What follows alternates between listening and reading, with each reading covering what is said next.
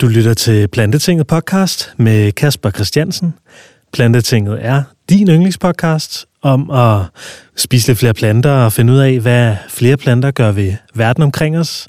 Og i dag, der skal vi snakke om nogle emner, der er lidt afledt af det, fordi jeg er nemlig blevet øh, inviteret en tur til Helsingør hos virksomheden Majstik, der laver komposterbare løsninger til forbrugere. Og det er sådan set det, vi skal snakke om i dag. Vi snakker lidt om øh, virksomheden Majstik, hvad det egentlig er, de render og laver. Vi snakker lidt om øh, plastik, plastikforurening, mikroplastik i fødevarer og i jorden, og vi snakker om landbrug, og vi snakker simpelthen om en hel masse virkelig, virkelig spændende ting, der vedrører os og samfundet og naturen.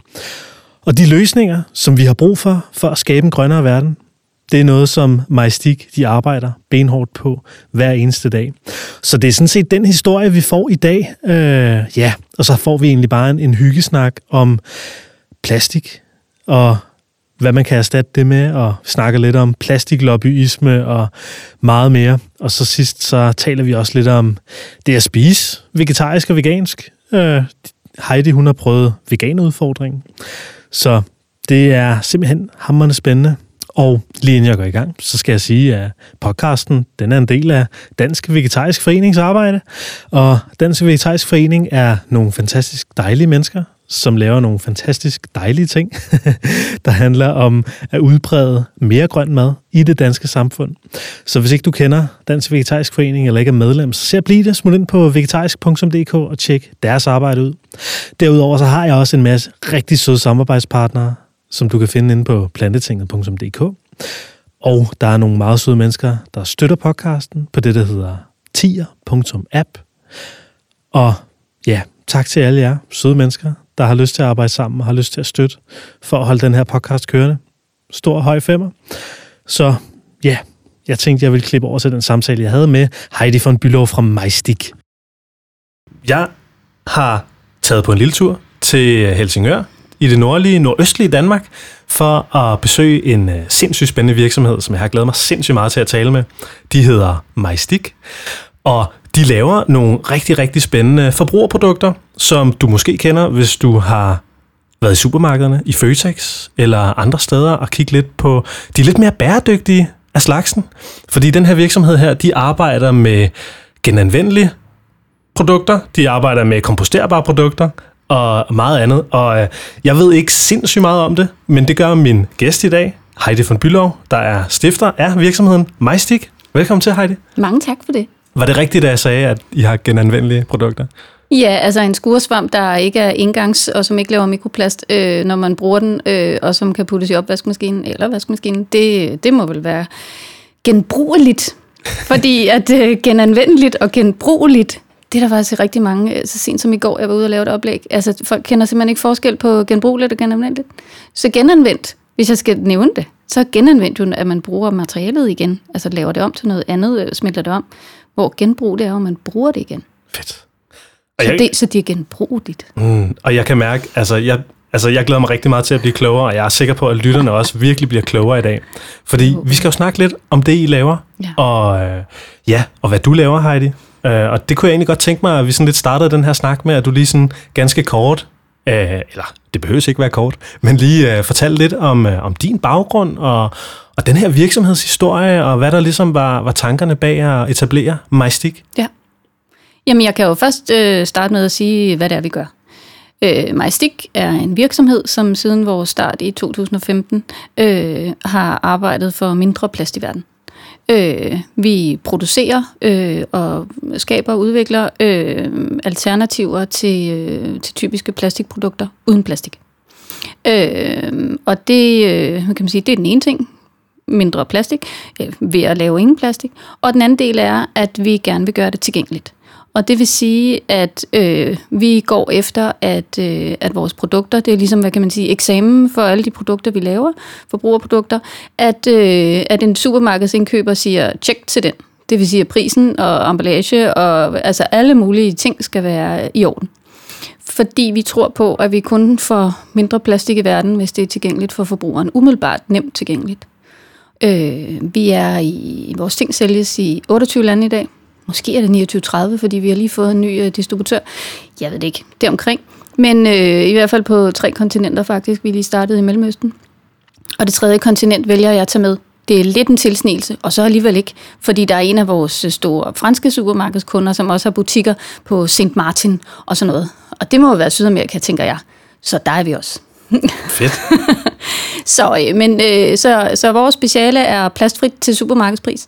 Og så laver vi faktisk også sådan 20-25 procent af det, vi laver, er specialproduktioner, altså emballager, indkøbsposer, øh, sugerør til nordisk film, øh, altså alle mulige øh, ting, som, som jo alligevel er i, øh, i, i vores portefølje, kan man sige, af, af ting og sager, som vi så laver til dem. Vi har lige landet en, en, øh, en ordre på 12 millioner på en, et stort projekt med en hollandsk koncern, som øh, med en, en emballageløsning til dem øh, som vi har arbejdet på i over et år.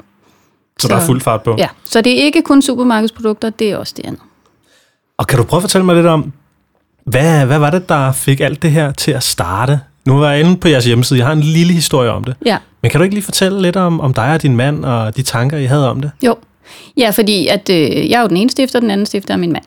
Øh, og tilbage i 2015 var han øh, igen, igen, igen øh, i Østen, i Kina.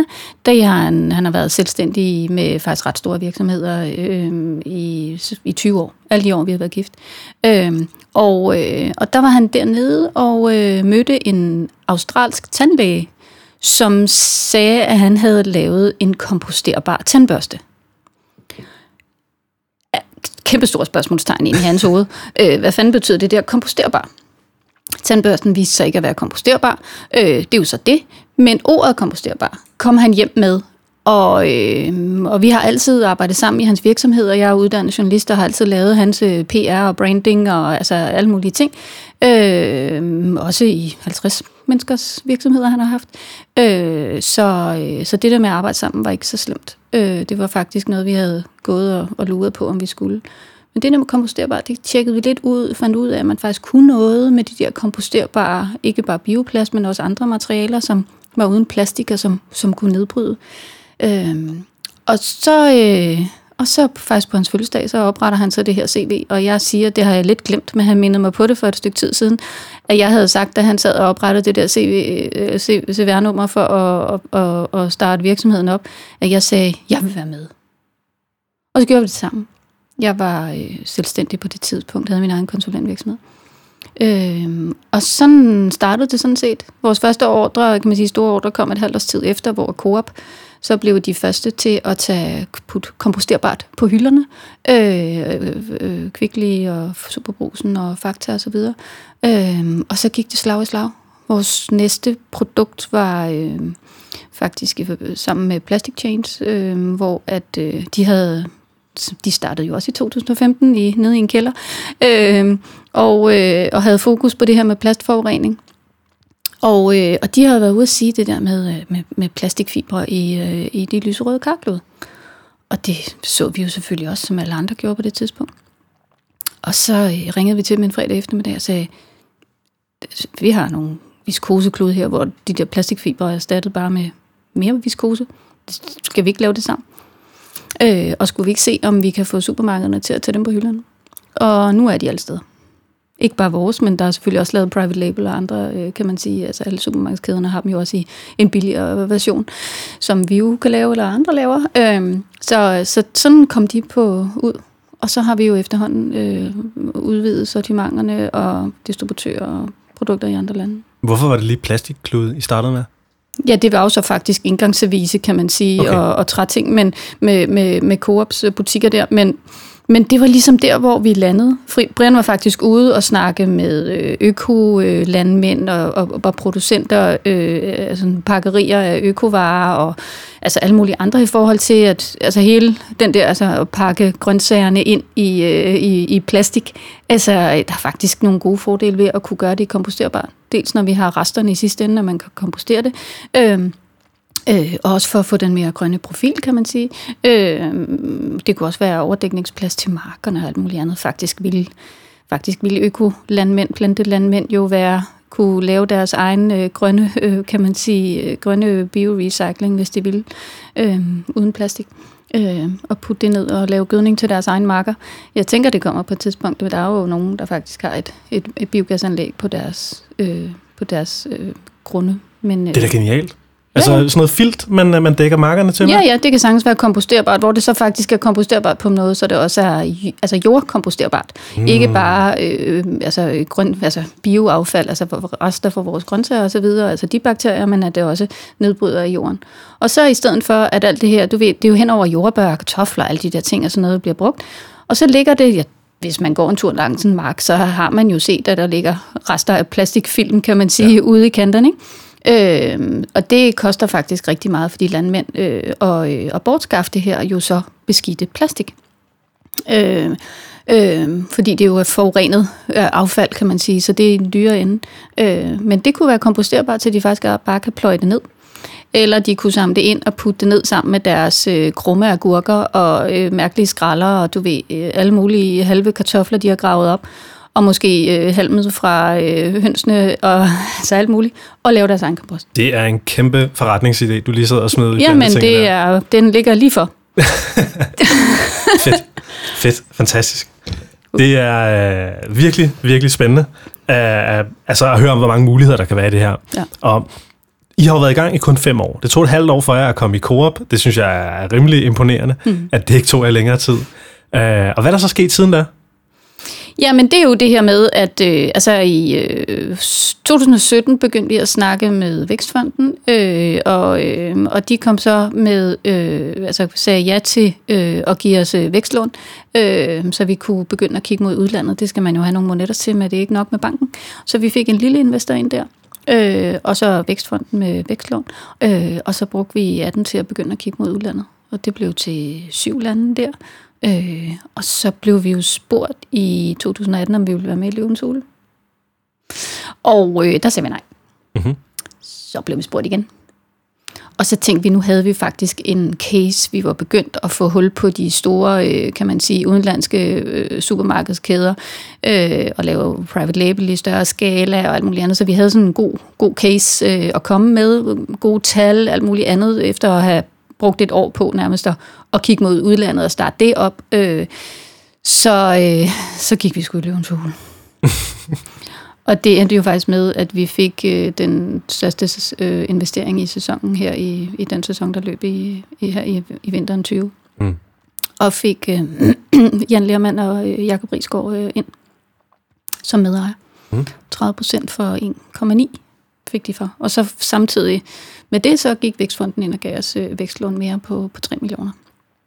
Så vi fik 5 millioner ud af det, kan man sige, og det kan vi jo godt komme langt med. Vi er jo en running business, så det er det her med, at vi kan få ansatte rolle øh, mere op om, at vi er der, øh, og, og give den gas med, og, øh, og komme ind alle mulige steder, produktudvikling alt muligt. Så, så det, øh, det er rigtig spændende. Og de sidder stadig i bestyrelsen, de to her? Ja, vi har faktisk lavet det om, sådan, så det nu er øh, ikke, at de ikke sidder der begge to, men der sidder Cool Shops direktør, øh, John Romerdal, øh, så, så vi nu er en, en tremands øh, bestyrelse der, som repræsenterer dem begge to. Hvad betyder det ellers for jer sådan at være på landstækkende tv? Ah, men altså, det, Altså, øh, altså, vi vidste jo i lang tid i forvejen, at øh, altså, hvad, hvad, produkt, hvad, hvad programmet endte ud med, kan man sige. Men altså, øh, ja, altså, hvad skal jeg sige, jeg kommer jo fra mediebranchen, så jeg var jo sådan mere vant til det. Men det, der jo var ved det, det var, at, øh, at, øh, at øh, coronaen havde jo slået ind. Og vi får jo nogle af vores produkter lavet i Kina, og det var der, coronaen startede. Så vi var jo ramt af Kina-kroner. Altså de ting, som skulle have været hjemme, da, produkt, da programmet blev sendt den 20. februar, var det vist. Øh, de, altså vi havde simpelthen nærmest ingenting på, på lager. Selvfølgelig havde vi ting, vi havde, så, øh, så der var simpelthen, øh, altså vi, vi kunne ikke få ting hjem. De var ikke lavet, kan man sige, fordi at alle fabrikker derude jo bare var lukket ned efter kinesisk nytår. Shit, så altså, det var lidt ærgerligt. Så der var altså adskillige store kæder i Danmark, som ikke engang fik at vide, at vi var i løvens hule, hvilket jo er super ærgerligt. Så sådan noget med netop altså, Coop, Silvan, Matas, alle mulige andre gigantkæder i Danmark, hvor det havde været dejligt at få eksponering eller spørge på, eller sådan noget, de, de fik slet ikke at vide, at vi var med. Fordi vi kunne alligevel ikke levere til dem. Nej, shit, jo. Pis. Men altså, man kan sige, der er jo ikke noget... Altså, ellers er vi jo ikke... Så vi har, havde et, et kvartal, hvor vi ligesom skulle have bygget lageret op igen. Øh, og det er jo det. Er jo, det, er jo det. Øh, men, men ellers er vi ikke sådan på den måde øh, ramt af corona. Altså, vi er mere sådan, altså, det har rykket et kvartal, basically. Mm. Øh, hvor at både ind- og udland, så har indkøber og altså, alt muligt har jo været nede, men folk skal jo stadigvæk have klude og poser og... Altså, ja. Så, øh, men, øh, men det er da lidt mm. ærgerligt. Men I er ved at komme jer nu? Ja, ja, ja, vi har jo været ved at komme os længe. Altså, vi er, vi er up to, vi er up to speed. fedt, fedt, fedt, fedt. Så, så vi, det, vi har ikke været ude i altså, hjælpepakker og alle mulige andre ting. Vi sendte okay. folk på hjemmearbejde, så var det et andet fokus, og så ventede vi på, at altså, vi havde jo også lige fået penge til at, øh, kan man sige, vi, vi havde ikke fået noget alligevel, kan man sige, fordi vi er en vækstvirksomhed. Så, så det var bare, vi kan ikke sende så mange ting ud til jer, men derfor kan vi jo godt sælge, og så får I ting senere. Mm, fedt. Og Heidi, jeg ved, at du holder en masse spændende oplæg. Ja. Du går rundt i uh, hele Danmark, mm. tror jeg, hvis det er, ja. og fortæller om jeres uh, virksomheder og jeres ting, og du lærer folk om plastik. Ja. I, uh, hvad er det, folkeskoler og foreninger og for politikere og alt sådan noget. Mm. Kan du prøve at fortælle mig lidt om, hvad er det for nogle ting, du underviser folk i, når du er ude og fortælle om, om plastik? Jamen, øh, altså vi arbejder over for mindre plastik i verden, og det er jo selvfølgelig udgangspunktet for det. Øh, og, øh, og der er bare enormt mange ting, som folk ikke ved øh, om plastik, og som de ikke ved om affaldshåndtering, som de ikke ved om, øh, hvad der sker, når de putter det ned i, øh, i, i plastik, deres plastik ned i, i plastikskraldespanden til sortering, og, og hvad sker der så derude, og hvorfor sker det og sådan noget. De ved ikke, hvad... Øh, det kan også... Noget af det, som overrasker rigtig mange, er, at når jeg kommer med eksempler på, hvad man gør i andre lande i forhold til det her med mindre plastik, øh, så de og, og laver en slide om, hvad vi gør i Danmark, og en slide om, hvad man gør andre steder, så er det bare sådan, gud, jeg troede, vi i Danmark var totalt foran på det her tidspunkt, på det her punkt. Og der må jeg bare sige, Danmark er 100% fuldstændig top bagud på at skabe mindre plastik i verden. Hvorfor det? Jamen altså, øh, nogle af de ting, nu er det jo, det er jo nemmere at ligesom have nogle overskrifter på en, øh, en powerpoint ved siden af. Men ja. altså for eksempel så er det jo øh, supermarkeder i, øh, rundt omkring, som hvor man på kædeplan går ud og øh, siger ja til, at man må komme med sin, øh, sin egen øh, bøtte og få sine øh, kager og fisk og kød og pålæg og alt muligt andet ned i den. Gå over til delikatessen og få det ting ned i, sådan, så man slipper for alt det plastik. Mm. Og det er jo faktisk, øh, altså kan man sige, kødbakker og øh, pålægs, øh, tynd, de her tynde plastik, som er fedtet ind i mad, øh, det er jo faktisk øh, ikke super til, til recycling, kan man sige, rigtig mange af de ting. Øhm, så det ved folk ikke. Og, så, og det er faktisk supermarkedskæder fra England til Tyskland til øh, Holland til Tjekkiet, altså til alle mulige steder i verden, at man, at man tillader det. Ikke kun supermarkedskæder, men jo også andre steder. Øh, refill øh, områder. Altså i virkeligheden zero waste shops, hvor folk kan komme med deres egne øh, bøtter og skåler og poser og alt muligt andet, og ikke bare tørrevarer, men det kan jo også være våde varer, rengøringsartikler eller, øh, eller øh, hvad skal man sige, andre drikkevarer eller et eller andet, som man kan hælde ned i sin egen emballage øh, i, i store områder af, af butikken. Det ser man ikke i Danmark det kan være, der lige er en enkelt, som har, at man kan få noget mælk, eller altså, du når vi noget juice. Eller, altså, men, men det er der, vi er, ikke? Mm. Hvad hedder det? Eller man kan trække et eller andet, fem slags nødder ned i en pose. Men det er jo der, vi er. Øhm, som laver øh, plastikfri områder, altså kan man sige, øh, frugt og grønt øh, er jo også øh, in, altså, i England, øh, altså, jamen det, det er så, så mange ting. Som, men meget af det, kan man sige, øh, eller man kan sige, den slags tiltag sker jo rundt omkring i verden, fordi at forbrugerne er aktivistiske. Det har vi jo ikke. Vi har, altså vi, vi du ved, tiltag som at at gå ned øh, foran et supermarked, gå ind i en flok og handle ind, og det er fint nok at gå ud af butikken igen, og, øh, og så stå og øh, tage alt det der plastikemballage af varerne, øh, og putte det ned i sine egen bøtter og glas og poser og alt muligt andet, øh, og så øh, gå ind med al emballagen bagefter i supermarkedet og sige tak for lån. Øh, altså den slags aktivisme har vi jo ikke i Danmark. Jeg tror, jeg har set en gang på en gruppe, at der var nogen, der havde gjort det. Mm. Øh, men det er jo det, der gør, at, altså, der, der gør, at ting sker. Det er det, der gør, at øh, altså i England har de måske 50 eller 100 organisationer, som arbejder for mindre plastik på alle mulige forskellige måder. Mm. Øh, øh, og i Danmark har vi jo basically en, som er Plastic Change. Ja. Øh, og arbejder de egentlig for mindre plastik? Altså de arbejder i hvert fald med plastikproblematikker. Ikke? Ja, okay. hvad hedder det, øh, som, som vi har simpelthen ikke det der klima i Danmark, øh, som, som, som, som, hvor der sker noget. Nej. Alle mulige ting, som bliver forbudt i andre lande. Altså, Hvorfor, hvorfor tror du, at udviklingen i Danmark er så øh, sløv? jeg tror, det er en, en flerdel ting. Vi har en rigtig stærk plastlobby. Det må vi bare sige. Vi har øh, et affaldshåndteringssystem, som bu- bunder i, at vi bare brænder lortet. Øh, både plastik og alt muligt andet, og det er jo så det, at vi skal ind i sortering.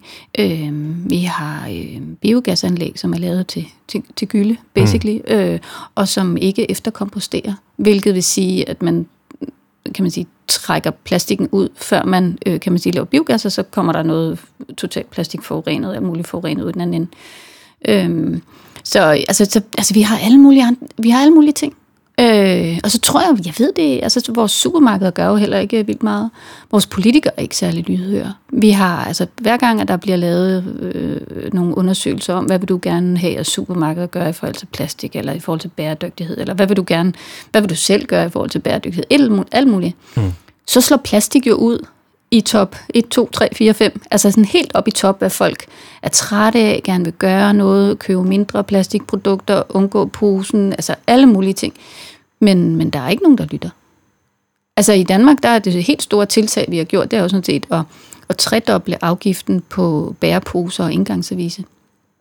Vi var, og det gjorde, det gjorde de med, med den finanslov, eller man kan sige forbindelse lige her i slutningen af december her i, ved juletid. Der var vi lige at lægge det sidste hånd på et sortiment af, af, af indgangsavise, hvor at tallerkener og kopper var lavet af, af 100% rester.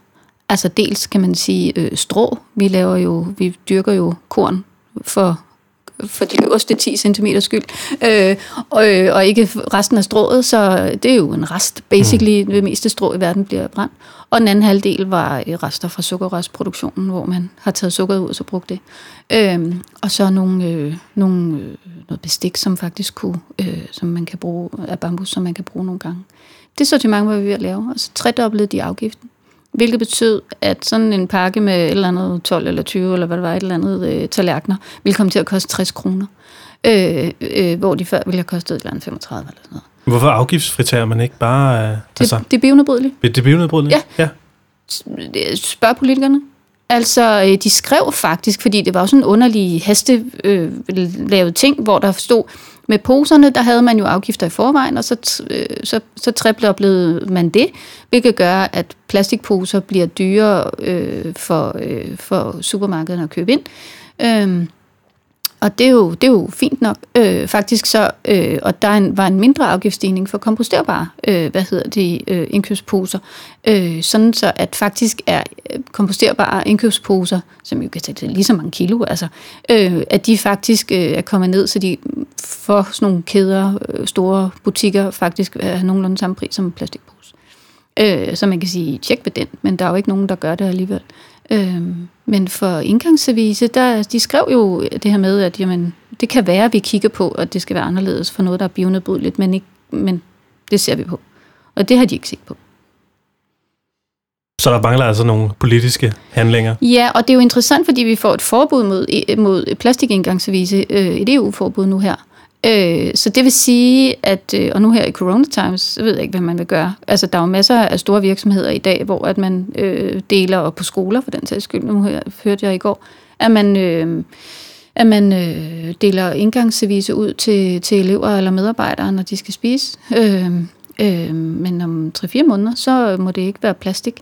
Øh, og med en, altså alle de ting, vi laver, er jo dels dyrere i indkøb, altså fordi det er biobaseret, så er det simpelthen dyrere end plastik. Plastik er jo det billigste materiale, vi har, basically. Øh, og, øh, og så med en tredobbelt afgift, fordi afgiften er på vægt, ikke på styk, så, så bliver det simpelthen bare uforholdsmæssigt tosset meget dyre. Så jeg ved ikke, hvad sådan noget store kantiner og skoler vil gøre, når de ikke længere, kan man sige, kan og må få plastik. Mm. Lad os vente og se, hvad der sker, og hvad fanden, hvad fanden de gør. Ja, Altså, øh, så, så det, ja. Opråb herfra. Okay.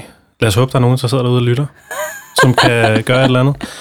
Og, men det er bare egentlig for at sige, alle de her ting, og tusind andre ting, fordi du spurgte jo til, når jeg er ude og lave oplæg.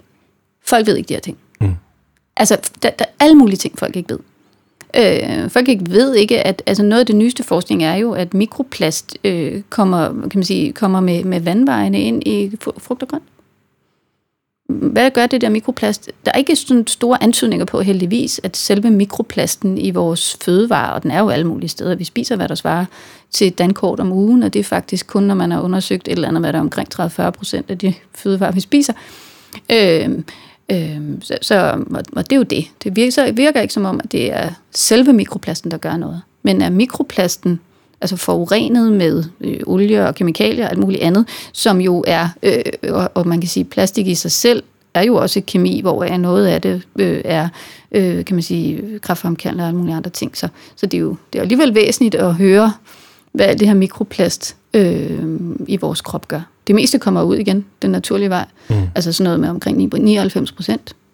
Super fint. Men noget, man har også opdaget, noget af det kommer ind i, i blodbaner og, og, øh, og, og muskler og så videre. Mm. Ikke? Og man ved stadig ikke, hvad det gør ved kroppen. Nej. I hvert fald ikke menneskekroppen. Nej. Det er øh, et meget spændende eksperiment, der er i gang lige nu. ja, det er det jo et eller andet sted, og, øh, og jeg kan jo bare sige det, som det er. Der bliver ikke produceret mindre plastik i verden. Mm. Der bliver produceret mere. Ja, nå, den kan man lige så tykke lidt over. Ja, øhm, velbekomme. ja, og det er bogstaveligt talt næste gang, man ja, skal sidde og spise. Nå, men øh, der er en masse begreber i den her verden her, som jeg godt kunne tænke mig, at vi lige kunne blive klogere på. Ja, jeg har jo nævnt et par stykker. Du siger bionedbrydelig, du siger komposterbar, ja. du siger øh, bioplast, der er, øh, ja, kan du ikke lige... Øh, en, en, en begrebsafklaring af de her begreber, som vi arbejder med inden for det her område, som I laver produkter til? Jo. Øh, helt kort, og den kan man have så inde i sit hoved. Øh, komposterbart, det er bionedbrydeligt men bionedbrydeligt er ikke nødvendigvis komposterbart. Hmm. Hvad mener du med det her? Jeg vil gerne gentage. Hvad hedder det? Jamen, øh, bionedbrydeligt er sådan set et ord tilsvarende køretøj. Altså, det er sådan et overordnet begreb om, at noget nedbryder. Men hvad det nedbryder til, og dermed jo også, hvad det består af, kan man sige, øh, og hvor lang tid det tager, øh, og om det efterlader noget, som naturen ikke kan lide. Der er jo sådan noget lidt øh, bio, øh, kan man sige, i, i det her. Det sker ude i naturen. Øhm, det er ikke defineret. Det er bare et, et ord, et begreb. Mm. Øh, så når man ser et produkt, hvor der står, at det er bionedbrydeligt, og man ikke kan se nogen certificeringer på, øh, at, den, at den er, altså nogle genkendelige mærker på det, hvilket der ikke rigtig er for bionedbrydelighed, øh, øh, så, så skal man gå forbi. Det er sådan en lille trick du bare ser, at der står bionedbrydeligt på et produkt, eller en kunde, eller du ved, en forhandler eller et eller andet siger, at det her det er bionedbrydeligt, du skal bede om mere end det. Hvad hedder det? Komposterbart er jo så bionedbrydeligt. Det er blandt andet bionedbrydeligt. Komposterbart er øh, øh, øh, defineret i... Altså kom, komposterbart betyder jo, at noget øh, må indgå i kompost. Og kompost er jo basically gødning, som må komme ud i naturen. Og det vil sige, at det er skarpt defineret i, øh, i faktisk både EU-standard og andre steder, øh, hvad kompost må, stå, må bestå af. Øh, og det må gerne, kan man sige, bestå af visse typer øh, bioplast, de komposterbare typer, hvis de så, fordi ovenover de her EU-standarder, så er lavet certificeringer, som definerer, hvad bioplast eller andre ting, der er komposterbart eller gerne vil certificeres, øh, består af, hvad de efterlader, hvor lang tid nedbrydningen øh, må tage, øh, og, hvad der, og at der kun må være vand, CO2 og biomasse tilbage. Altså biomasse med udgangspunkt i, at det er tilladt som kompost. Øh, så det er ret skarpt defineret. Mm. Øh, så derfor så er komposterbart, hvad kan man sige, mere end, end, end, end bare bionedbrydeligt. Så hvis jeg har noget, der er bionedbrydeligt, og jeg har en kompostbunke ude i min have. Ja. Kan jeg så smide det i kompostbunken? Det kan jeg simpelthen ikke fortælle dig. Fordi okay. jeg ved jo ikke, hvad der står på den emballage. Aha. Men så hvis du gerne vil putte noget i en kompostbunke, og jeg vil jo ikke, det skriver vi faktisk også på vores hjemmeside, lad nu være med at putte noget ned i en grenbunke. Altså, øh, øh, der, sker ikke, der er ikke så meget liv og bakterier og lækkerhed og alt muligt andet, fugt og liv og lys øh, i en grenbunke. Øh, komposterbart er skabt til nedbrydning med madaffald. Mm. Altså din øh, øh, gulerodsskralder og altså du ved, den slags.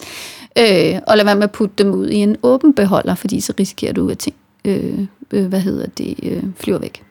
Når det så er sagt, øh, så, kan, så er jo kompost, komposterbare øh, ting og sager øh, jo skabt til at nedbryde med øh, i en kompost.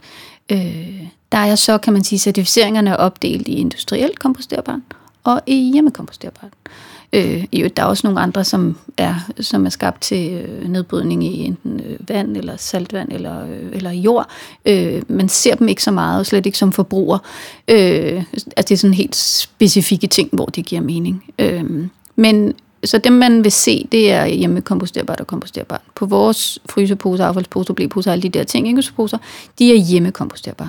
Og det vil sige, at certificeringen, den temperatur, der er lavet i, i de her tests, nedbrydningstest, øh, laboratorietest, som, som certificeringen indebærer, øh, der er temperaturen 20-30 grader. Mm-hmm. Og den temperatur er fint opnåeligt i sådan en, øh, jeg har nær sagt fra kommunen, sådan en gammeldags øh, grøn øh, søjle til sin madaffald, øh, som nogen har stadigvæk, eller bare en anden sådan lukket beholder, man har til kompost derhjemme. Fordi alt det her liv og bakterier og lækkerhed fra, øh, fra madaffald, det skaber en naturlig en, en temperatur. Mm. Så vores, for vores poser er, er nedbrydelige øh, i sådan en, en, en god velholdt hjemkompost. Men, øh, men industrielt komposterbart, der skal man bruge, øh, eller de ting, det er ligesom, industrielt komposterbart er hovedcertificeringen. Mm. Det er ligesom den, man tager først, og så kan man efter, øh, kan man sige, øh, få lavet en hjemmekomposterbarhedscertificering efterfølgende, og de totalt over monsterdyr. Altså, vi snakker netop fordi de indebærer 180 dages øh, laboratorieforsøg til at teste, om ting udnedbryder 90 procent inden for 180 dage, og altså alle mulige ting. Øhm, men hvad hedder det? Øh, så, så, så industrielt komposterbart, der er testen omkring 60 grader i det her miljø. Og det kan man simpelthen kun opnå i meget store bunker på, på kan man sige, industrielle anlæg, altså lagerhaller, kan man sige, hvor man samler bioaffaldet. Der vil det automatisk blive faktisk 60-70 grader. Øh, det er ligesom det, de kompostanlæg er til. Mm. Du kan, det kan du ikke nå op, opnå inden hjemme i din egen bygde. Okay. Men derfor så kan produkterne faktisk godt, altså det der jo sådan set er ved det, det er, at for, no, for nogle produkter, der står industrielt komposterbart på, så vil det bare tage længere tid. Andre har mere brug for, for selve denne her, altså den, den høje temperatur. Øh, og det, det vi jo oplever, det er, at, at, at folk, der ikke er så meget inde i den her verden, jo så bare siger, jamen der skal helt specielle forhold til, nej, egentlig ikke der skal madaffald, og så skal der, øh, og så skal der varme. Og selvfølgelig den ilt, og altså, kan man sige naturlighed på den måde. Men, så, øh, men altså, det man jo kan gå efter, det er, at man, hvis man absolut vil putte noget i sin egen bunke øh, derhjemme, øh, at, det, at det så er, er fuldt ud naturlige ting uden coating og så videre, eller at det har en, en, øh, en, et hjemmekompostmærke. I er leverandør til Københavns Kommune? Nej. Nej, det er I Nå, men fanden det, det kunne så? vi være. Det kunne I være? Ja. Okay. Øh, ja, nå, så, så skal vi ikke snakke om det. Øh, begrebet, jo, jo, jo, sidste mandag, ja. mandag sidste uge, der præsenterede øh, ja, nogle øh, politikere fra regeringen øh, noget, der hedder Danmarks Grønne Fremtidsfond. Yeah. Hvor at de simpelthen har sagt, nu tager vi nogle penge og skyder ind i den grønne omstilling. 25 milliarder. Der var I med. Ja. Hvad kommer det til at betyde for jer? Jamen altså, dels er det jo, jeg blev ringet op fra Erhvervsministeriet og spurgt, om, øh, om de måtte komme her hos os og øh, have deres pressemøde, hvor at de øh, for, for to ministre, finansministeren og erhvervsministeren øh, og, og, og, øh, og ordførende fra de forskellige partier, der har været med til at, øh, at, at beslutte, at, øh, at nu vil man bruge øh, 25 milliarder øh, til, til grøn omstilling, jo kan man sige, til virksomheder, øh, dels funding, dels øh, lån, øh, til øh, til, kun til grønne tiltag. Øh, så jeg blev simpelthen ringet op og spurgt, om de måtte lave pressemøde her. De havde jo så også ringet til et par stykker andre, og vi har jo ikke, kan man sige, øh, produktionsfaciliteter og lærerfaciliteter her. Alt den slags er jo, kan man sige, bruger vi jo andre øh, spillere, altså det er eksternt. Øh, så, øh, så, så, så de valgte en Nordic Harvest, og det synes jeg er fint nok, fordi de har brugt seks år på at samle 100 millioner kroner ind til at lave vertical farming. Dem skulle du tage en snak. De ja. er snart i gang ja. med produktion. Jeg tror, jeg har en kammerat, der bor i opgang med ham, Anders, der, der har det. Ja. Så øh, han har lige prøvet at hive lidt i ham. Ja, ja, ja, lige præcis. Altså, jeg tror, de går i gang her nu en gang i oktober med at, øh, at dyrke urter i 14 etager. Fedt. Ej, det ude i skal jeg se. Glostrup, eller nej, Høje-Tostrup. Ja, Så, øh, så, så ja, så, så det var rigtig fint at, at være med i et selskab, kan man sige, med i et selskab, altså blive inviteret til at, øh, og dels at være med til, at, øh, altså til det her, øh, kan man sige, møde, og det her med, at nu, nu skal verden være grøn, altså kan man sige, være rollemodel eller virksomhed i, i den forbindelse. Men så jeg var med øh, derude, øh, som, og lige øh, havde sat mine ting op, og, og, og var med øh, og, øh, og snakket med alle de her politikere og alt muligt andet. Og det, det er sgu dejligt at være, øh, at, at være blandt dem, som, man, som, man, øh, som der bliver lagt mærke til. Vi er lige blevet øh, fået at vide her i forgårs, at vi var finalist i en verdensmåls øh, tech-pris, Sustainavis øh, pris, øh, i Plastic og Waste øh, Awards og sådan noget ting. Det er jo, altså det er jo, det er jo dejligt, når nogen øh, ser en. Mm. Øh, det er det sgu. Men nu tænker jeg bare, nu sidder vi her på et meget lille kontor i Helsingør, og du fortæller mig om, at vi, I har en masse forskellige leverandører derude. Ja. Men altså, hvor stort er det her? Hvor meget har I af, lad os sige, det marked, der er for karklude og emballage og tandbørster og sådan noget? Altså, hvor, hvor stor en andel af hele det marked sidder I på? Kom med en procentsats. Ja, Det ved jeg simpelthen Nå, ikke. okay. Altså, det, det, det ved jeg simpelthen ikke. Altså, og, sådan- og slet ikke fordelt ud over de der 28-30 lande. Hvad nu Nej, eller okay, andet. men er det sådan 1% Men- eller 10% eller... Ja, altså ved du hvad, det, det kan være, at vores sælgere de kigger mere i den slags statistikker Nå, okay. end mig. Det, det ved jeg virkelig. Nej. Øh, altså man kan sige, da vi startede, altså jeg, apropos det der med oplæg, så, så øh, tager jeg som regel med øh, sådan en, et par slides, hvor man siger, der, nu her, der ved man jo, at, øh, at det er fugle med øh, øh, plastik øh, rundt om maven og skildpadder og altså alt muligt andet, og kæmpe store bunker af plastik i naturen, som er plastikmareridtet, men da vi startede i 2015, der øh, definerede folk et plastikmareridt som, at øh, øh, silikonepatterne var gået galt. Ikke? Altså øh, forstået på den måde, at, at, øh, at det var simpelthen ikke en opmærksomhed, øh, der var der. Men fordi vi startede før David Attenborough, vil kan man sige, lavede de her fantastiske BBC-programmer, hvor han jo dedikerede et afsnit til plastik i naturen. Det var det, der satte det i gang faktisk på verdensplan. At folk blev opmærksomme på, at plastik i naturen var et problem. Vi tænkte ikke på det før. Vi havde aldrig set et, en skildpadde med et sugerør op i næsen. Det har vi nu. Hvad hedder det? Så vi var first mover, fordi vi jo altså faktisk var i gang. Og nu er der jo masser af de her ting. Vi har stadigvæk det her, øh, kan man sige, øh, den her ekspertise på, at vi laver ting af, det kan du se her rundt om, der er alle mulige materialer, alt andet end plastik. Alt det, du ser her, er plastfrit. Mm. Og jo også i det andet rum, og, altså, og så videre. Øh, så vi kan alle mulige ting, og så at vi gør det helt specifikt til, altså, at det skal være til supermarkedspris. Grunden til, at jeg spurgte på den Så- måde, var fordi, at jeg kom til at tænke på... Øh, jeg, jeg, jeg snakker med en kammerat, som har sådan en, øh, en plantebaseret virksomhed, ja. Hvor de sælger plantebaserede fødevarer. Og så. Ja. fortæller han, at for hver, jeg tror, han sagde, for hver tusind øh, kødprodukter, der bliver solgt, så bliver der solgt et plantebaseret produkt. Ja, desværre. Så de sidder på 0,1 procent af markedet. Ja. Og så kunne det bare være spændende at finde ud af, Ja. for, for, for hvor mange karklude af, af de der gule, røde, grønne eller blå, altså hvor mange majstiks bliver der så solgt? Ikke? Det er sådan lidt det, jeg tænkte. Altså, jeg, jeg fik at vide på et tidspunkt, og jeg, en supermarkedskæde, der sagde, at vores, vores klude var 15 procent af, af, af deres kludesalg. Okay, så der er Er lang vej fra igen. den kæde. Okay. Øh, så, men altså, men altså, lad, lad men, os sige, det men er det bliver jo ikke opgjort. Det bliver ikke opgjort på den måde.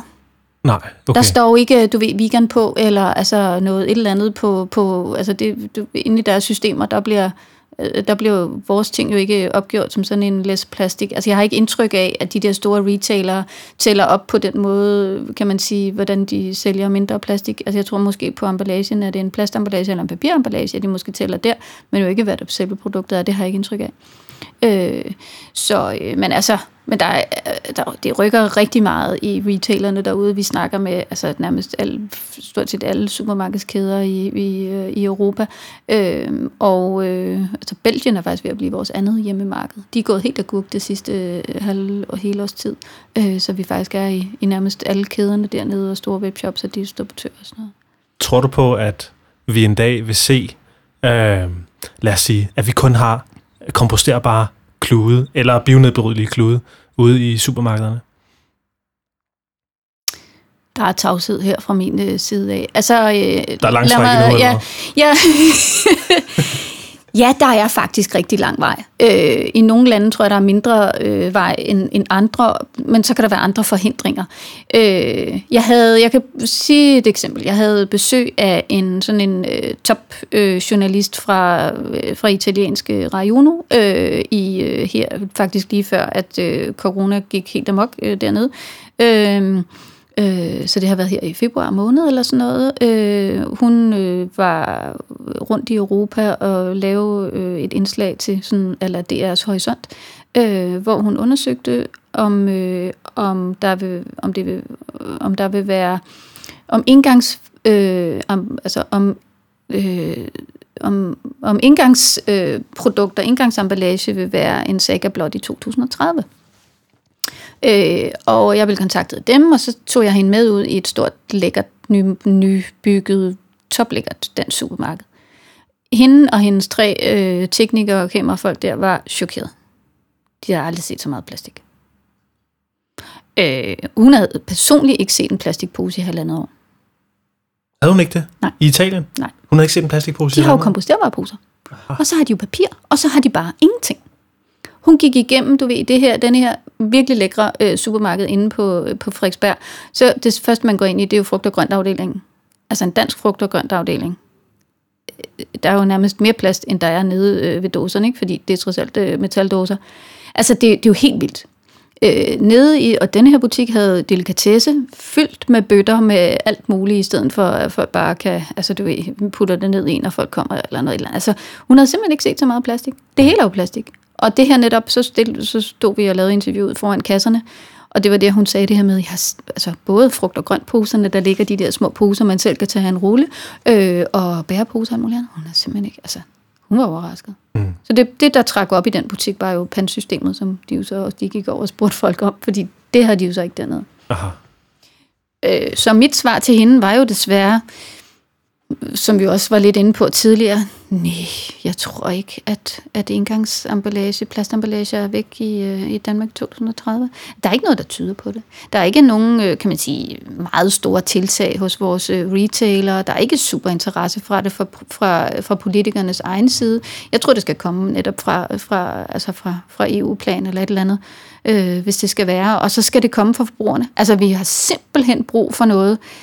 Altså, jeg har jo faktisk gået længe og sagt, jeg ville hellere have en aktivismeafdeling end en, en, en, en markedsføringsafdeling. Ikke? Det er lidt svært som producent og brand. Altså, det bliver jeg jo nødt til at sige.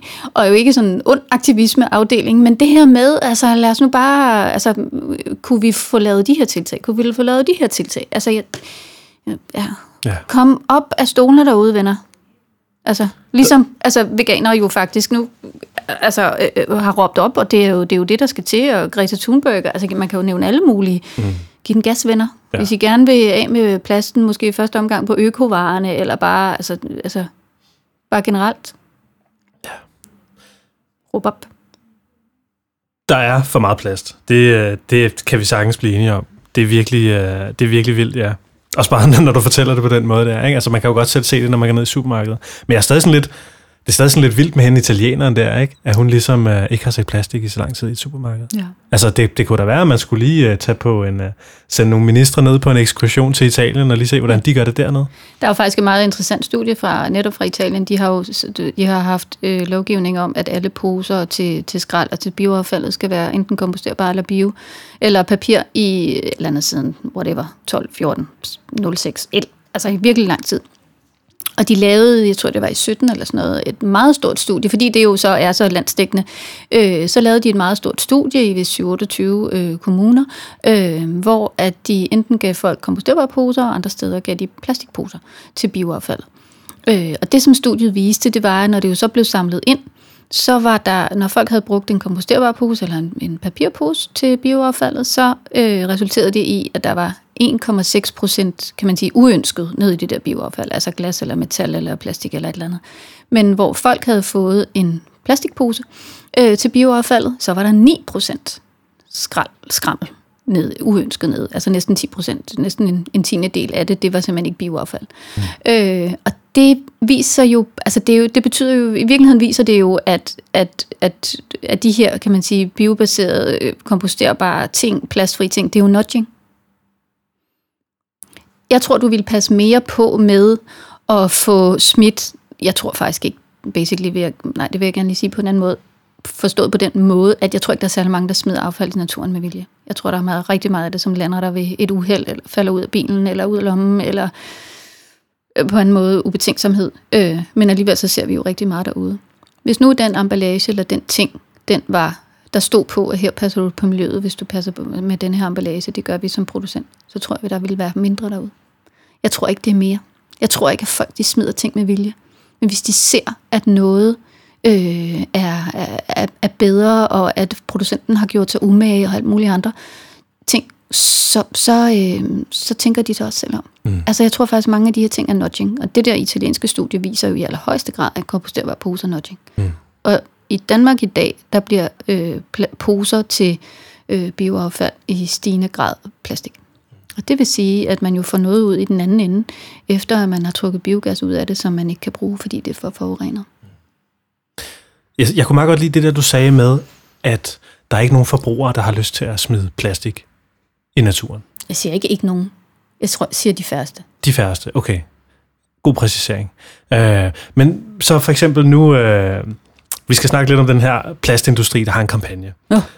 Og øh, de har jo en kampagne, hvor de ligesom, som vi snakkede om, vi snakkede om det lige inden vi tændte for mikrofonerne, mm. det her med at plastindustriens kampagne, de, øh, hvad fanden er det, den hedder? Den hedder noget med, lad os snakke realistisk om plast, eller et eller andet, ikke? Ja, sådan noget. Og de har, øh, de, de, altså sådan som jeg læser og ser den kampagne, så, så prøver de sådan lidt at, at skubbe ansvaret for plastforurening over på forbrugerne mm. og over på affaldsindustrien. Mm. Men Heidi, hvem tænker du har ansvaret i al den her plastforurening, som omgiver os i alle miljøer nu? Os alle sammen, men bestemt ikke kun de to. Altså, jeg synes jo, jeg så et tweet for, øh, for ikke så længe siden, og det er jo fuldstændig rigtigt, nu var det bare skrevet på en god måde, og tager det faktisk med i min oplæg, når det ligesom er til voksne mennesker, og ikke kun folkeskoleelever. Øh, hvad hedder det? Øh, øh, det her med, at det er sjovt som, at plastindustrien, ikke bare i Danmark, men jo generelt som en global, meget, meget, meget stor spiller, ikke har et ansvar for det, øh, den forurening, de laver. Altså, de, hvorfor skal de ikke øh, samle deres eget ind? Hvorfor skal de ikke sørge for, at det, hvis det ender i naturen, ikke skader?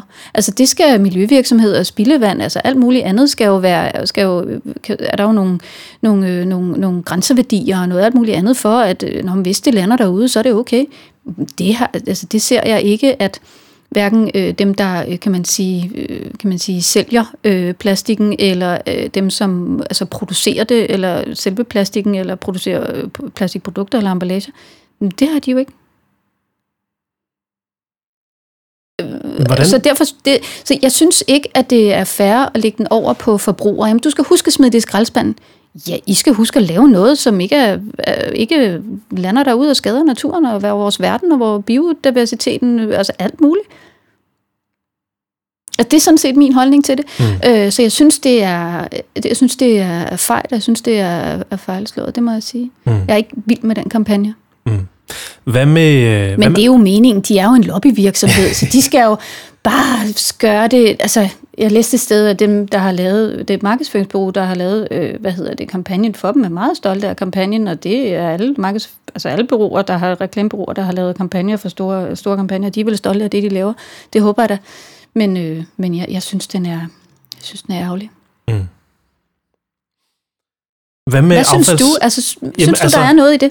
Øh, altså, det, jeg, jeg sad og, og kiggede på det på vej herhen, fordi jeg gerne lige vil... Øh, ja, jeg tænker, altså nu, som vi snakkede om også før, altså, jeg er måske en lille smule mikrofonholder her, men jeg vil også ja, ja. gerne udfordre bare en lille bit smule. Det skal du gøre. og, øh, og de har sådan en... Øh, de, de har lavet nogle forskellige film. De har blandt andet en film, hvor de siger, jamen øh, med plastikemballage, så mindsker vi madspild, fordi at plastikemballage er med til at forlænge holdbarheden på frugt og grønt mm. og på fødevarer osv. Og, og der tænker jeg sådan, okay, det er måske faktisk et meget godt argument for at, du ved, pakke plastik øh, rundt om fødevarer. Mm. Hvad, hvad tænker du om det, Heidi? Øh, jeg vil bruge eksempler mm. til at svare på det. Jeg øh, købte et øh, bundt ikke indpakket radiser til øh, vores nytårsmiddag. Øh, og så brugte jeg nogle af dem, og så puttede jeg resten ned i en af vores komposterbare poser. Og øh, cirka fire uger efter, efter jeg fik ikke spist de der rester, og de lå inde i køleskabet efterhånden, så synes jeg egentlig også, det var meget interessant. Jeg spiste dem friske og sprøde cirka fire uger efter.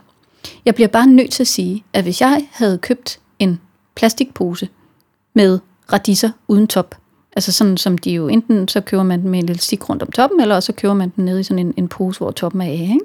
Hvis jeg havde købt plastikposen, øh, så havde de ikke holdt i fire uger, de der radiserester, fordi så vil de svedt ihjel, fordi at væsken ikke kan komme ud af plastikposen. Øh, lidt det samme med en agurk. Øh, ved jeg, jeg kunne virkelig godt få, lov, få lyst til at, at, at tjekke den slags. Jeg lavede et opslag på LinkedIn forleden dag, øh, fordi ikke os, men en anden øh, virksomhed i et over i Canada, vi er ikke rigtig i Canada i dag, men de havde til en... Øh, til en øh, sådan øh, agurke, øh, kan man sige, distributør, øh, pakkeri, hvad det nu har været, øh, lavet en komposterbar emballage til agurker. Vi kunne sagtens lave det også, og det er jo super dejligt, at de kom i gang med det, og komposterbart er jo tilladt i bioaffaldet øh, i stigende grad, både i Canada og USA, så super fint. Øh, og jo i det meste af Europa, bliver bare nødt til at sige, kære Danmark.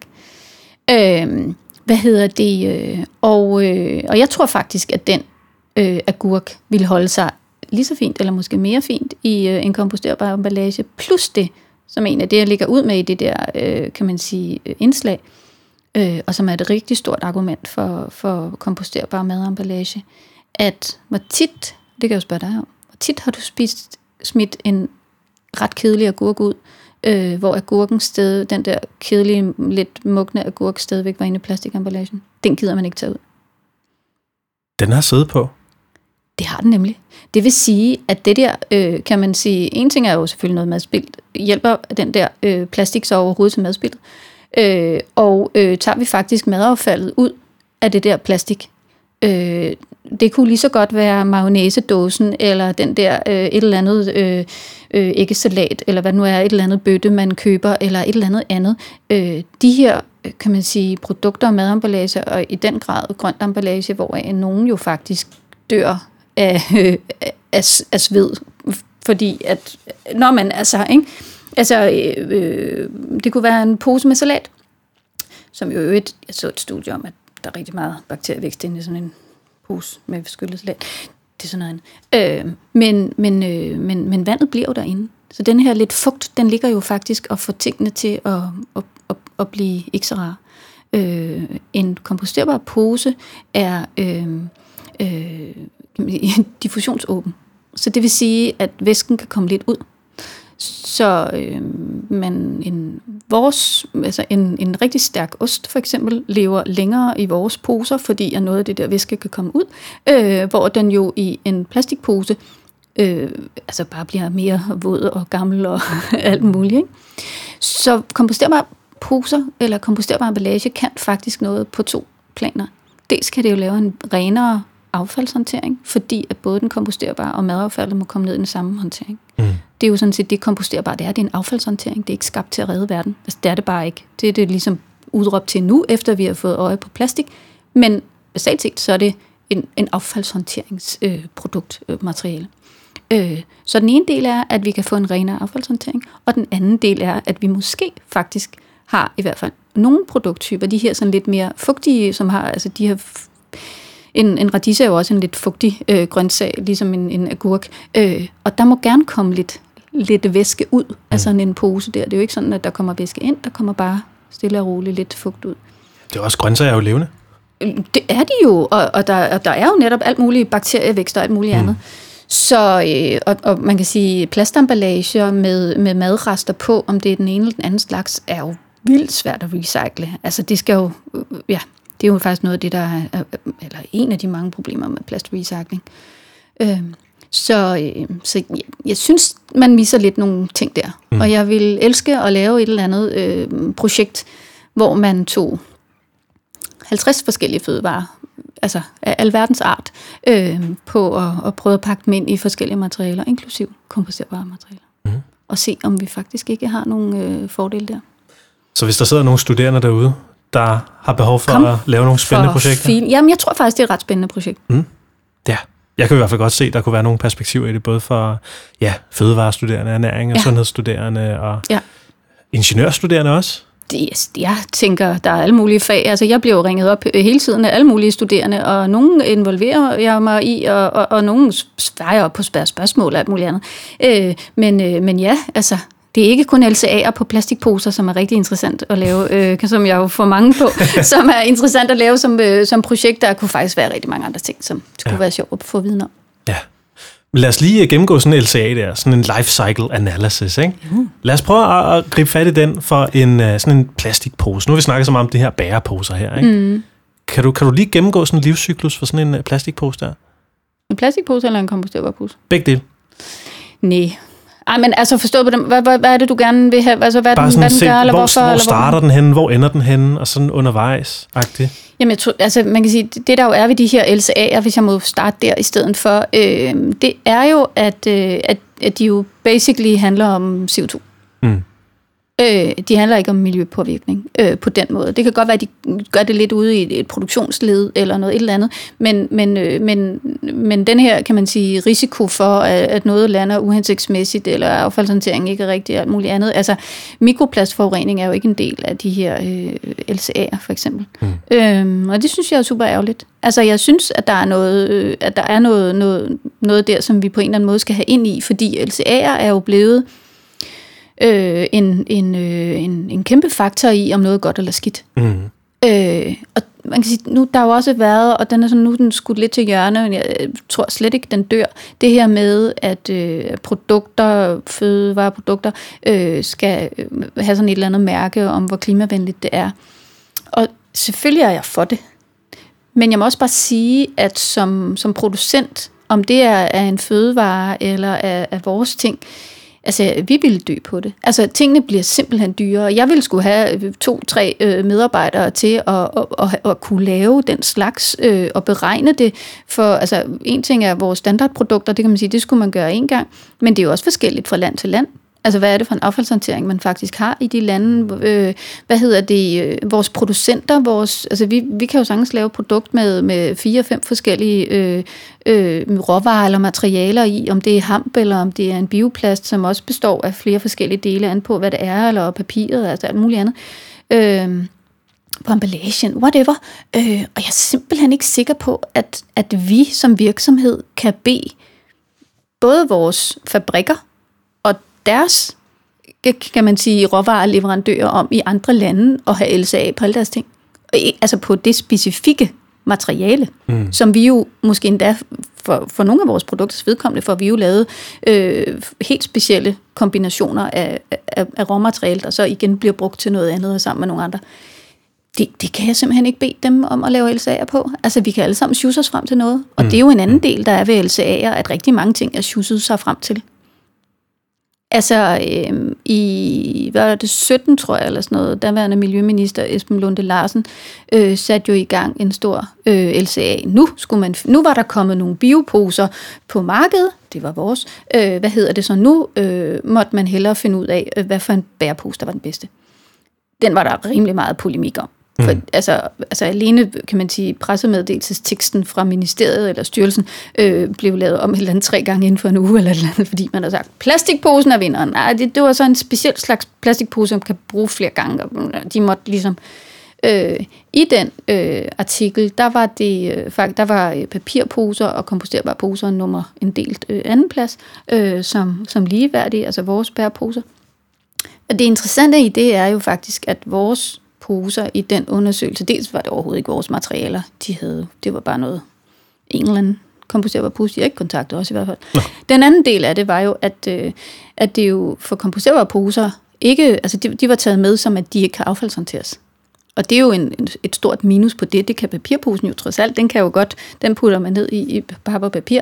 Øh, men den komposterbare indkøbspose var lavet som, det må, den må brændes øh, selvom den jo egentlig hører, hører og, til Og det var det, der var baggrund for undersøgelsen, ja. at den skulle brændes? Okay. Og det er også, altså jeg, uh, jeg synes bare, der er nogle, og så er jo et mange ting. Jeg, jeg klagede faktisk over den til ja, DTU ja. og styrelsen sammen med European Bioplastics øh, organisationen, øh, som fik deres eksperter til at, at lave øh, 10 sider til, til DTU og, øh, og, øh, og, og ministeriet styrelsen øh, på den, fordi der var alle mulige ting, peer reviews, altså der var alle mulige ting, som, som ikke var okay. Mm. Øhm, men, øh, men altså, så jeg har det lidt, jeg synes, LCA er, LCA er rigtig spændende og rigtig godt. Men jeg ville godt nok ønske, at der var nogle andre ting, de tog med ind, og at det var mindre sjusset sig fremagtigt. Fedt. Så hvis der sidder nogle ingeniører derude og arbejder med det her, så øh, skal man måske ikke være blind for kun at kigge på de her faktorer? Nej, jeg tror, jeg tror de, de skal simpelthen ud, udarbejdes. Og altså lige præcis i forhold til, kan man sige, altså alle de her plastik- og emballageprodukter, der bliver man sgu nødt til at, at, få, at, at få den del, altså kan man sige miljø, øh, naturforureningsdelen ind i. Ja. Altså det bliver man nødt til. Ja. Ja, og jeg tænker også helt det der med, altså... Øh, nu læser jeg om i dag, sådan, når, når man slider plastikting, ikke? når man slider på det, så kommer der det der mikroplastik ud ja. i luften, eller i naturen, ja. eller hvor fanden ja. man ellers er henne. Ja. Ikke? Ja. Øh, det er jo også en faktor, ja. som man ikke lægger mærke til, men ja. som sker.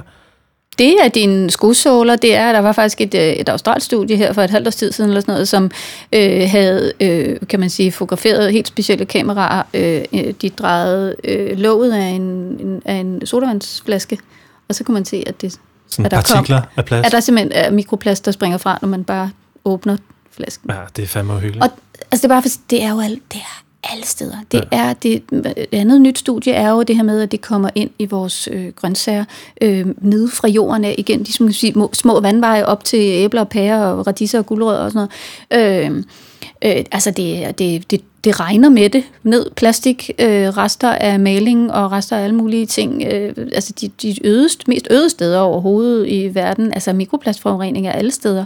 Jeg læste en artikel forleden dag om, at nu, man har jo snakket meget om plastforurening i havet, mikroplastforurening i havet. Øh, men, øh, men, men der er en growing concern øh, øh, omkring mikroplast i jorden. Jo blandt andet på grund af det her med, at det kommer ind i, øh, i, vores, øh, i vores grøntsager. Og det tænker jeg også, at dine lyttere... Altså, vi ved jo vi ved alt for lidt. Mm, det er et mm. nyt område, som der er fokus på, øh, og det nytter ikke noget, vi er bekymrede. Altså, vi spiser det der dankort om ugen, måske to. Øh, og det må vi leve med indtil videre. altså, ja. Ja. Ja, det er sindssygt. Nå, øh, der er lige en ting, jeg godt kunne tænke mig at vende. Vi har allerede så snakket en time, Heidi. Nej, ja, men man kan blive ved på det her man kan blive ved. Det kan man altså. Øh, jo, zero waste. Ja. De der zero waster, kender du dem? Ja, det kan du tro. Det er nogle fantastiske mennesker. Ja, det er det. Som gør noget helt ekstraordinært. Ja. Fordi de, øh, de fjerner plastik fra deres liv, eller sige i hvert fald så vidt muligt. Ja, ikke bare plastik, jo generelt ting og sager. Det er generelt bare sådan ja. affald, der skal til forbrænding, ja. tror jeg, ja. er det, det handler om. Øh, er, det, er det også sådan, I lever i din familie, og hvordan gør I sådan det? Nej, det gør vi, det gør, det gør vi ikke. Altså, øh, jeg har ikke nogen steder, jeg kan købe løse varer i Helsingør. Det er jo her, hvor vi bor. Altså, det, det, det kan man simpelthen ikke. Jeg gør alt, øh, hvad jeg kan, øh, kan man sige, øh, på alle mulige måder. Vi har ikke engang affaldshåndtering i Helsingør øh, endnu. Det kommer snart. Altså, så, så der er sådan nogle, nogle ting, der jo også forhindrer det. Men jeg gør, prøver at gøre alle mulige andre ting. Altså, køber stort set ikke noget tøj. Jeg kigger altid på, hvor meget plastik der er i tøjet, når jeg køber, og køber det som udgangspunkt helst ikke. I virkeligheden køber jeg helst heller ikke tøj med genbrugsplast i, men det er ocean plastik slet ikke. Øh, øh, så det er sådan nogle andre ting. Så øh, køber, køber generelt egentlig ikke særlig meget. Men min madvarer, det bliver jeg sgu nødt til at have, at det er. Men, men min skraldpose er kun halvt fyldt, mm. øh, når jeg sætter den ud på gaden hver øh, meget tirsdag, tirsdag morgen. Og det synes jeg, der er bedre end en helt fyldt. Så hvis man sidder derude og tænker, jeg bliver nødt til at gøre et eller andet ved det her, Jamen, jeg synes faktisk, altså, jeg så et, øh, og øh, Hanna derude, øh, jeg skal nok tagge dig, jeg synes simpelthen, at øh, du lavede det fedeste opslag her, øh, der ved nytårstid. Øh, øh, og jeg har brugt det faktisk flere gange som eksempel. Øh, inde på en af de her Zero Waste-grupper så jeg en pige, som havde lagt op sådan en, øh, en lille seddel fra en notebog eller noget, hvor hun øh, skrev, jamen, de her ting har jeg prøvet at lave øh, om i, i mit liv.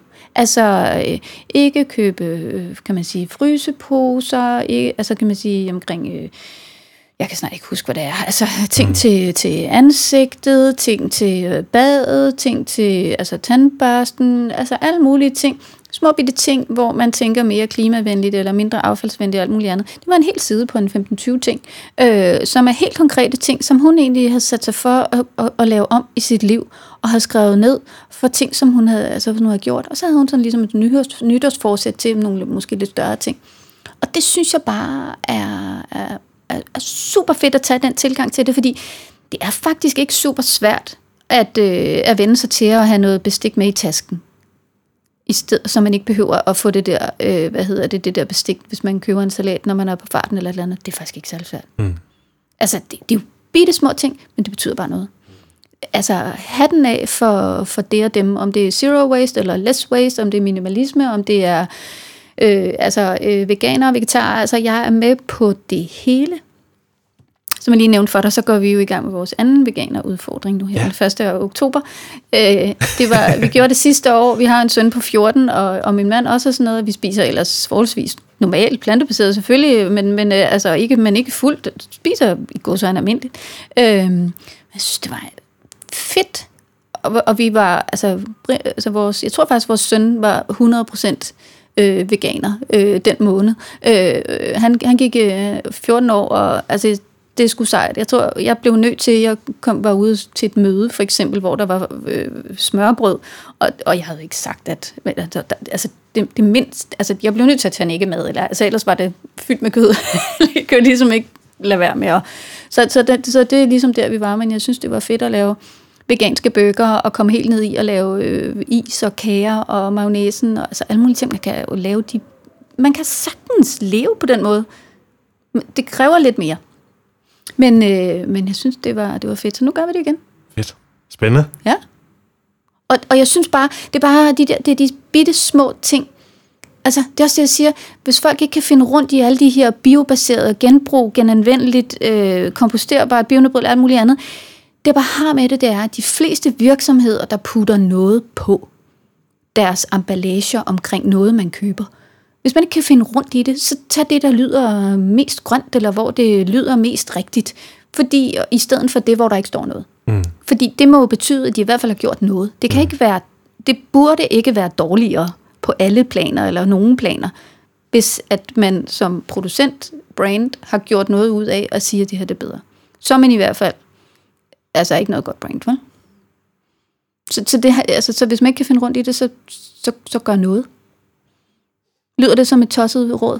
Ja, jeg tænker at der, det giver da god mening, det der med lige at se, om der er nogle uh, certificeringsmarkader ja, på produkterne. Ja. Og så, uh, ja, det, det, det er faktisk en meget god pointer. Det tror jeg ikke selv, jeg havde tænkt over, faktisk. Det, uh... Fordi det, der er simpelthen så meget i det. Jeg er lige blevet inviteret med i her Dansk Standard, som jo laver, altså står for Svanemærket og alle de her ting, at være med til at øh, og, og, og have mere, altså de skal i gang med noget arbejde for netop, kan man sige, sådan emballage, plastmærkning øh, og alt muligt andet, og, og være med i det arbejde. Og det har jo, jeg siger bare, ja. Men samme. Hvad hedder det? Øh, øh, fordi det, det er super vigtigt. Øh, øh, men også, at der er nogle gode og klare mærkninger, man faktisk øh, ved, hvad det er, man får. Øh, at altså i England har man jo en kæmpe debat, også andre steder, øh, Australien og alle mulige steder, har man jo en ret stor debat omkring det her med, når der står på en emballage, at den er recyclable. Ja, men hvad nu, hvis den ikke er recyclable i mit område? Er den så recyclable?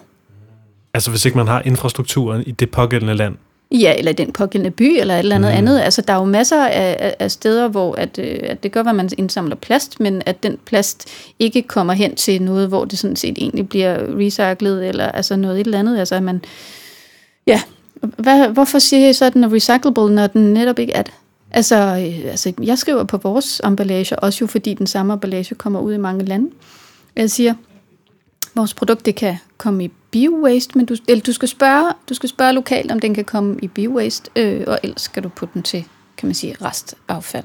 Øh, fordi jeg kan simpelthen ikke, jeg kan ikke sige noget generelt. Fedt. Ej, vi kommer langt omkring. Det men er det skal af. Det, nej, men jeg synes det simpelthen, det er så godt, Heidi, fordi at, øh, altså, jeg, jeg, jeg synes, det er svært at navigere i. Jeg synes, ja, det er rigtig, også. rigtig svært at forstå. Ja. Og jeg synes, og jeg, du ved, jeg kan mærke, at jeg har en eller anden form for øh, en lille smule nane dårlig samvittighed over, at jeg ikke føler, at jeg gør nok i hverdagen. Netop fordi der er plastik på alt, hvad jeg køber. Ja. Og, og jeg, vil, jeg vil virkelig gerne, altså så snart jeg ser øh, jeres klude eller jeres øh, andre ting fra MyStick, så, øh, altså, så køber jeg det. Ja. Fordi jeg vil gerne have det.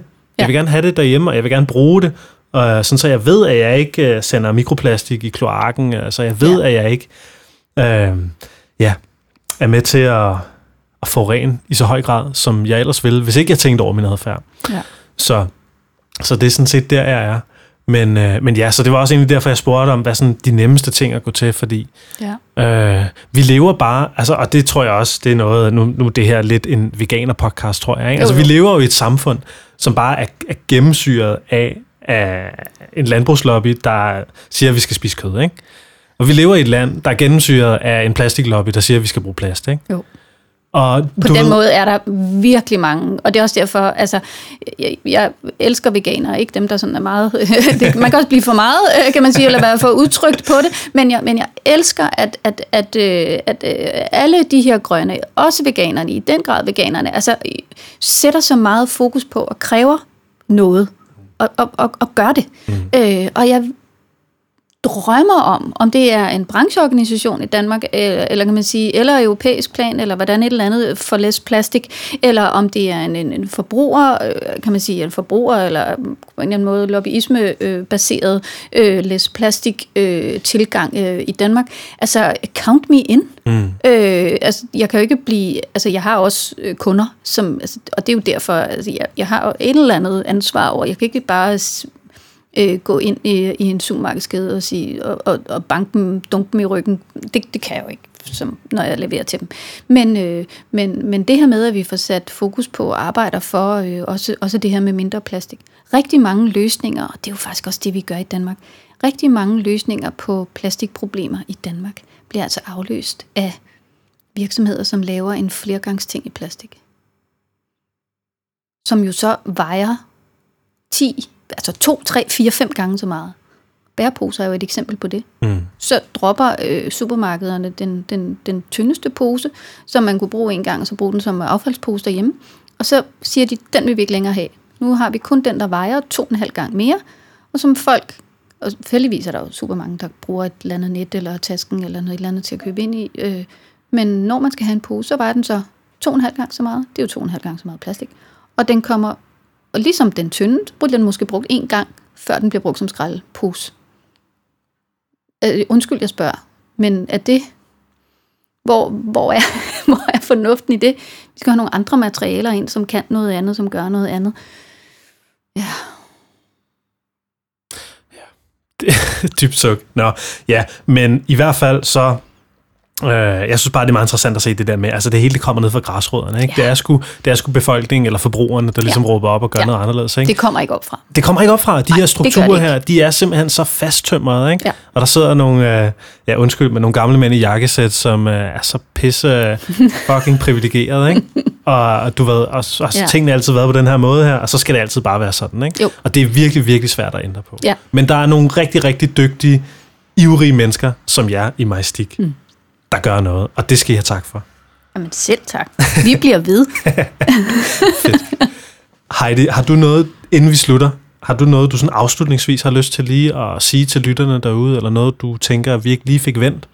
Inden jeg tror, vi, jeg har egentlig øh, kommet omkring. Altså, jeg, jeg synes bare, øh, altså, blive ved med, øh, som, øh, skal vi kalde det forbruger, eller skal vi bare kalde det menneske i verden, øh, og, øh, og gøre noget for vores øh, fremtid og verden, og klima og miljø og alle mulige andre ting. Altså, bliv ved, bliv ved, bliv ved. Se, om du kan få de der bitte små nye... Øh, gør ligesom øh, Hanna. Altså, sæt dig for lige og, og små bitte ting, en, en vane her og der.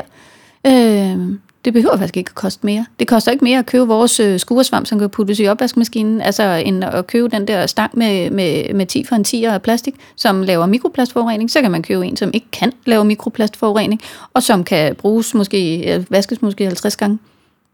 Det koster stort set det samme. Mm. Det er jo en lille bitte vane, det behøver ikke være dyre. Fedt. Lad os, uh, lad os slutte med det. Ja. Heidi von Bylov, tusind tak, fordi du vil være med i Plantetinget. Tak for besøg. Og dele noget visdom til alle vores lyttere. Det, det har virkelig været fedt at dykke ned i plastik. Vi sidder normalt og nørder mad, ja. men i dag så nørdede vi sådan lidt en afledt ting af mad. Ja. Og det, det synes jeg også, vi alle sammen skal blive klogere på. Af bioverdenen i hvert fald. Af bioverdenen, den biologiske verden.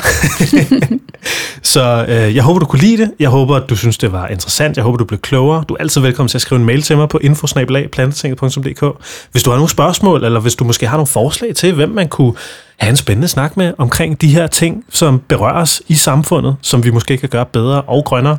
Det er jeg i hvert fald altid lydhør for at modtage, og du er meget velkommen til at give podcasten en kommentar inde på iTunes, give den nogle stjerner, følg os på Instagram, Facebook, eller hvor du ellers har lyst til det.